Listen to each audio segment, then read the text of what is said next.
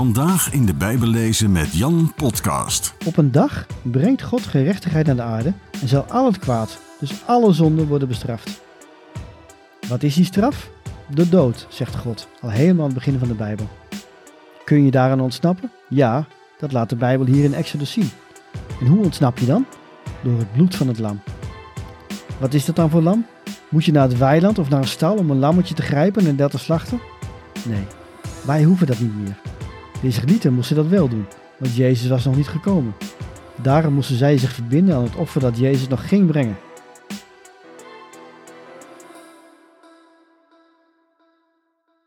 Welkom bij deze nieuwe aflevering van de Bijbellezen met Jan podcast. Als ik dit opneem, is het bijna acht weken voor Pasen. Veel christenen doen dan aan een vorm van vasten of mediteren. Ze gebruiken deze 40 dagen tijd om stil te staan bij het lijden van Jezus, om hem te danken voor het offer dat hij bracht. Ons woord Pasen komt van het Hebreeuwse Aramese woord Pesach. Dat betekent voorbijgaan. Zo moesten de Israëlieten het feest noemen waarin zij dachten dat God hen had bevrijd uit Egypte. Je kunt dat verhaal lezen in het Bijbelboek Exodus. Israël was in Egypte tot slaaf gemaakt. God zag hun lijden en bevrijdde hen uit slavernij. En de nacht voor een uittocht moesten de Israëlieten een lammetje slachten en het bloed op de deurposten smeren. Daardoor waren ze beschermd tegen de engel van de dood, die langs de huizen zou trekken om de eerstgeborenen te doden. Dat gaan we zo allemaal lezen. Maar het punt is dat deze engel voorbij ging aan de huizen van de Israëlieten. Vandaar dat het feest Pesach heette. Voorbijgang, zou je kunnen zeggen. Het Latijnse woord hiervoor is pascha. En de meervoudsvorm hiervan is Pasen. Vandaar dat wij dit feest nu Pasen noemen en niet Pesach, want in Europa werd in de eerste eeuwen na Jezus Latijns en Grieks gesproken en geen Hebreeuws of Aramees. Oorspronkelijk hielden de christenen trouwens de Joodse kalender aan. Het christelijke Pasen viel dan samen met de datum van het Joodse Pesach. In het jaar 325 na Christus was er tijdens een belangrijke kerkvergadering de vraag of die data wel moesten blijven samenvallen. Of was het beter om op Goede Vrijdag de kruising te herdenken en op Paaszondag de opstanding? Er werd gekozen voor het laatste en daarom vallen Pasen en Pesach niet meer op dezelfde dag. Zoals gezegd, in de periode voor Pasen wordt door veel christenen op de een of andere manier gevast. Dat is niet verplicht. Nergens staat in de Bijbel dat je dit moet doen. Maar het idee van enige tijd vasten om jezelf toe te wijden aan bidden en aan Bijbel lezen is wel heel bijbels. De christelijke kerk heeft die speciaal de 40 dagen voor Pasen voor apart gezet. Het is een manier van jezelf zuiveren voor Gods aangezicht. Nogmaals, je bent geen betere christen als je wel vast en geen slechtere christen als je dat niet doet. Of je een periode bidt en vast, dat is iets tussen God en jou.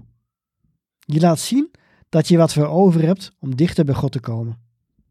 De een eet een paar dagen niet, de ander vast juist van social media, van televisie, van koffie of van snoep.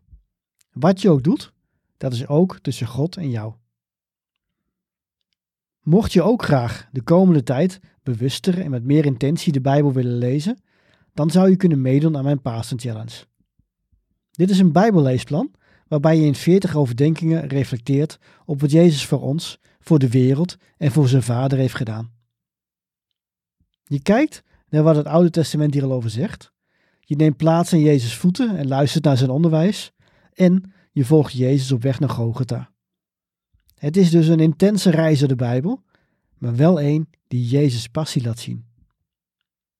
Passie en Pasen gaan namelijk hand in hand. Pasen betekent voorbijgaan en passie betekent hartstocht. Als je ergens passie voor hebt, dan hou je ervan.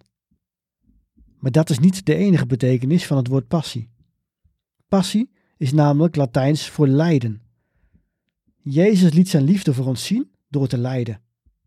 Zonder Jezus' passie was Pasen niet mogelijk. Wil je meedoen aan de Pasen Challenge? Dan kun je je aanmelden via bijbellezenmetjan.nl slash Pasen. Dit kan ook als je dit ver in de toekomst luistert. Bijbellezen met Jan.nl slash Pasen. Nu wil ik je één overdenking laten horen uit deze challenge. Die gaat namelijk precies over waar we het tot nu toe over hebben gehad. Namelijk over de instelling van het Pesachfeest en de link van dit feest naar Jezus offer. Zo krijg je bovendien direct een goed idee van het soort lessen van deze challenge. Laten we gaan luisteren naar de overdenking Jezus is het Pesachlam. Jezus is het Pesachlam. Als ik de tekst van vandaag bekijk, dan vind ik het bijna jammer dat we maar een klein gedeelte uit Exodus lezen. Het verhaal van de redding van Mozes, zijn roeping in de woestijn en zijn confrontaties met de farao zijn prachtig. Zitten bovendien heel veel verwijzingen naar Jezus. Als je na deze challenge blijft meedoen met het Bijbellezen met Jan-programma, beloof ik dat we gauw eens de hele uittocht onder de loep zullen nemen. Dat is erg boeiend. Voor nu alleen de hoofdpunten. Vergeleken met de les van de vorige keer is er ruim 400 jaar verstreken.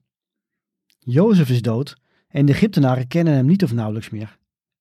De Israëlieten zijn in aantal zo fors toegenomen dat de Egyptenaren zich bedreigd voelen. Daarom hebben ze Jacobs nakomelingen tot slaven gemaakt. Bovendien moeten de pasgeboren jongetjes worden gedood, zegt de farao, zodat het volk niet nog groter wordt. De pasgeboren Mozes ontsnapt dus aan een zekere dood, doordat zijn moeder hem in de rivier laat afdrijven in de richting van een Egyptische prinses. Hij groeit grotendeels op aan het hof van de farao, maar vergeet zijn afkomst niet. Op een dag ziet hij hoe een opzichter een van zijn volksgenoten mishandelt. Hij wordt zo boos dat hij hem doodslaat. Vanwege deze misdaad moet hij de woestijn vluchten.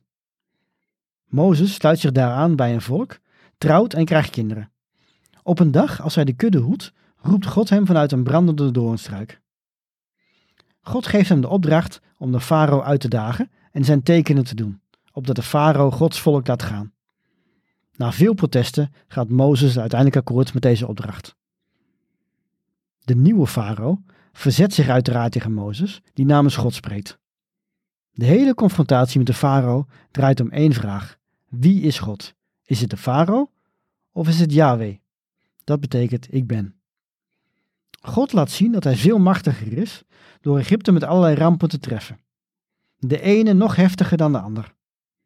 Zo verandert de rivier in bloed, is er een kikkerplaag, een reusachtige harenstorm en blijft het zelfs drie dagen donker in het land, behalve dan waar deze rieten wonen. En er vinden nog meer rampen plaats. Toch blijft de farao koppig. Dan komt het moment dat we nu gaan lezen. De instelling van het Pesachfeest. Je vindt het in Exodus 12. En ik lees de versen 1 tot en met 42. De Heer zei tegen Mozes en Aaron, nog in Egypte, voortaan moet deze maand bij jullie de eerste maand van het jaar zijn. Zeg tegen de hele gemeenschap van Israël, op de tiende van deze maand moet elke familie een lam of een bokje uitkiezen. Elk gezin één. Gezinnen die te klein zijn om een heel dier te eten, nemen er samen met de naaste buren een. Rekening houdend met het aantal personen en met wat ieder nodig heeft. Het mag het jong van een schaap zijn of het jong van een geit, als het maar een mannelijk dier van één jaar oud is, zonder enig gebrek. Houd dat apart tot de veertiende van deze maand. Die dag moet de voltallige gemeenschap van Israël de dieren in de avondschemer slachten. Het bloed moeten jullie bij elk huis waarin een dier gegeten wordt aan de beide deurposten en aan de bovendorpen strijken. Rooster het vlees en eet het nog diezelfde nacht, met ongedezen brood en bittere kruiden. Het dier mag niet half gaar of gekookt worden gegeten, maar uitsluitend geroosterd en in zijn geheel, met kop, poten en ingewanden. Zorg ervoor dat er de volgende morgen niets meer van over is. Mocht er toch iets overblijven, dan moet je dat verbranden. Zo moeten jullie het eten, met je gordel om, je sandalen aan en je staf in de hand, in grote haast. Dit is een maaltijd ter ere van de Heer, het Pesachmaal. Ik zal die nacht rondgaan door Egypte en ik zal daar alle eerstgeborenen doden, zowel van de mens als van het vee. En ik zal alle Egyptische goden een afstraffing geven, want ik ben de Heer. Maar jullie zal ik voorbij gaan. Aan het bloed zal ik jullie huizen herkennen door dat merkteken zal de dodelijke plaag waarmee ik Egypte straf jullie niet treffen. Die dag moet voortaan een gedenkdag zijn, die je moet vieren als een feest ter ere van de Heer. Dit voorschrift blijft voor altijd van kracht. Alle komende generaties moeten die dag vieren. Eet dan zeven dagen lang ongedezen brood. En verwijder meteen op de eerste dag alle zuurdesem uit jullie huizen. Wie op een van die zeven dagen niets eet dat zuurdesem bevat, moet uit de gemeenschap van Israël worden gestoten. De eerste en zevende dag zijn heilige dagen die jullie samen moeten vieren. Die beide dagen mag er geen enkele bezigheid verricht worden. Jullie mogen alleen het voedsel bereiden dat ieder nodig heeft. Dit voorschrift blijft voor altijd van kracht. Generatie na generatie moeten jullie het feest van het ongedezende brood vieren, omdat ik jullie die dag in groepen geordend uit Egypte heb geleid.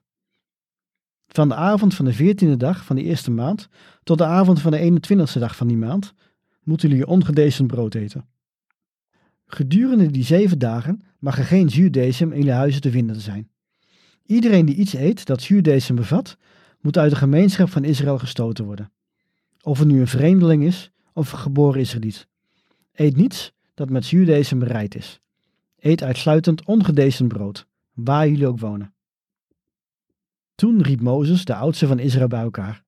Elke familie moet een lam of een bokje kiezen, zei hij, en dat moet worden geslacht als Pesachoffer. Laat ieder daarna een bosje majoraan nemen, dat in de schaal met bloed dopen en het bloed aan de bovendorpel en aan de beide deurposten strijken. Ga dan tot de morgen de deur niet uit. Want de Heer zal door Egypte gaan om het te straffen. Maar ziet hij bij een deur bloed aan de bovendorpel en aan de posten, dan zal hij die deur voorbij gaan. Hij zal de doodsengel geen toestemming geven om uw huis in binnen te gaan en u te treffen. Dit voorschrift blijft voor u en uw kinderen voor altijd van kracht. Ook als u eenmaal in het land bent dat de Heer u zal geven, zoals hij heeft beloofd, moet u dit gebruik in ere houden. En als uw kinderen dan vragen, wat betekent dit gebruik? Antwoord dan, wij brengen de Heer een Pesachoffer, omdat hij de huizen van de Israëlieten voorbij is gegaan toen hij de Egyptenaren strafte. Ons heeft hij gespaard. Toen knielden de Israëlieten en bogen ze zich diep neer. Daarna gingen ze uiteen en deden wat de Heer Mozes en Aaron had bevolen. Midden in de nacht doodde de Heer alle eerstgeborenen in Egypte, van de eerstgeborenen van de farao, zijn troonopvolger, tot de eerstgeborenen van de gevangenen en ook al het eerstgeboren vee. Die nacht stonden de farao en al zijn hovelingen en alle Egyptenaren op, en in heel Egypte klonk een luid gejammer, want er was geen huis waarin geen dode was. Die nacht nog ontbood de farao Mozes en Aaron. Ga onmiddellijk bij mijn volk weg, zei hij, u en alle Israëlieten. Ga de Heer maar vereren, zoals u hebt gevraagd. Neem uw schapen, geiten en runderen mee, zoals u gevraagd hebt, en verdwijn. Maar bid dan ook voor mij om zegen. En de Egyptenaren drongen er bij het volk op aan, zo snel mogelijk uit het land weg te gaan. Anders sterven we allemaal nog, zeiden ze. Toen pakten de Israëlieten hun baktroggen, maar daarin het nog ongedezemde deeg, wikkelden die in kleren en namen ze op de schouders. Ze hadden gedaan wat Mozes had opgedragen, en de Egyptenaren om zilveren en gouden sieraden en om kleren gevraagd. En de Heer had ervoor gezorgd dat de Egyptenaren hun goed gezind waren, zodat ze op hun verzoek ingingen. Zo beroofden ze de Egyptenaren. De Israëlieten trokken te voet van Ramesses naar Sukkot. Hun aantal bedroeg ongeveer 600.000, vrouwen en kinderen niet meegerekend. Terwijl er bovendien een grote groep mensen van allerlei herkomst met hen meetrok. Ze voerden enorme kudden schapen, geiten en runderen mee. Van het deeg dat ze uit Egypte hadden meegenomen, bakten ze ongedezende broden. Doordat ze uit Egypte waren gejaagd, was er geen tijd geweest om zuurdesem toe te voegen of voor ander proviant te zorgen. 430 jaar hadden de Israëlieten in Egypte gewoond.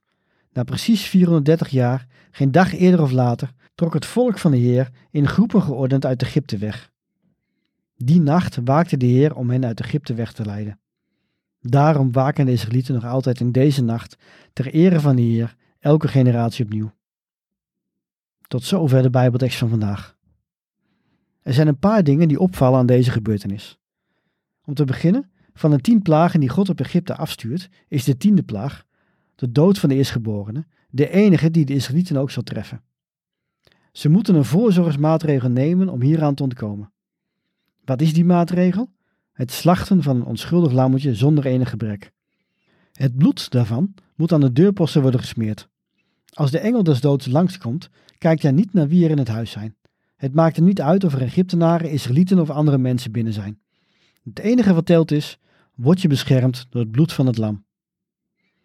De vraag is natuurlijk, hoe kan dat bloed voorkomen dat de eerstgeborene gedood wordt? Het woord eerstgeborene en het feit dat zowel Egyptenaren als Israëlieten kunnen worden gedood, moet je eigenlijk meteen aan het denken zetten. Eerder al zagen we dat de prijs voor de zonde van de familie het leven van de eerstgeborene was. Daar hadden we het ook al over in het verhaal over Abraham en Isaac. Die tiende plaag, die Egypte hier dus treft, is dus geen willekeurige ramp, maar een geestelijke waarheid. Op een dag brengt God gerechtigheid naar de aarde en zal al het kwaad, dus alle zonden, worden bestraft. Wat is die straf? De dood, zegt God, al helemaal aan het begin van de Bijbel. Kun je daaraan ontsnappen? Ja, dat laat de Bijbel hier in Exodus zien. En hoe ontsnap je dan? Door het bloed van het lam. Wat is dat dan voor lam? Moet je naar het weiland of naar een stal om een lammetje te grijpen en dat te slachten? Nee, wij hoeven dat niet meer. De Israëlieten moesten dat wel doen, want Jezus was nog niet gekomen. Daarom moesten zij zich verbinden aan het offer dat Jezus nog ging brengen. Niet voor niets zei Johannes de Doper toen hij Jezus voorbij zag lopen: Kijk daar, het lam van God. Dat was in de tijd van Johannes een hele vreemde uitdrukking. Waarom zou je iemand een lam noemen? Een lam diende er toch voor om vroeg of laat te worden geslacht? De Israëlieten moesten jaarlijks de uittocht uit Egypte herdenken door een lammetje te slachten. Maar Jezus is het ultieme Pesachlam. Hij werd zelfs gekruisigd tijdens het Joodse Pesach. En dat is wat wij herdenken met Pasen.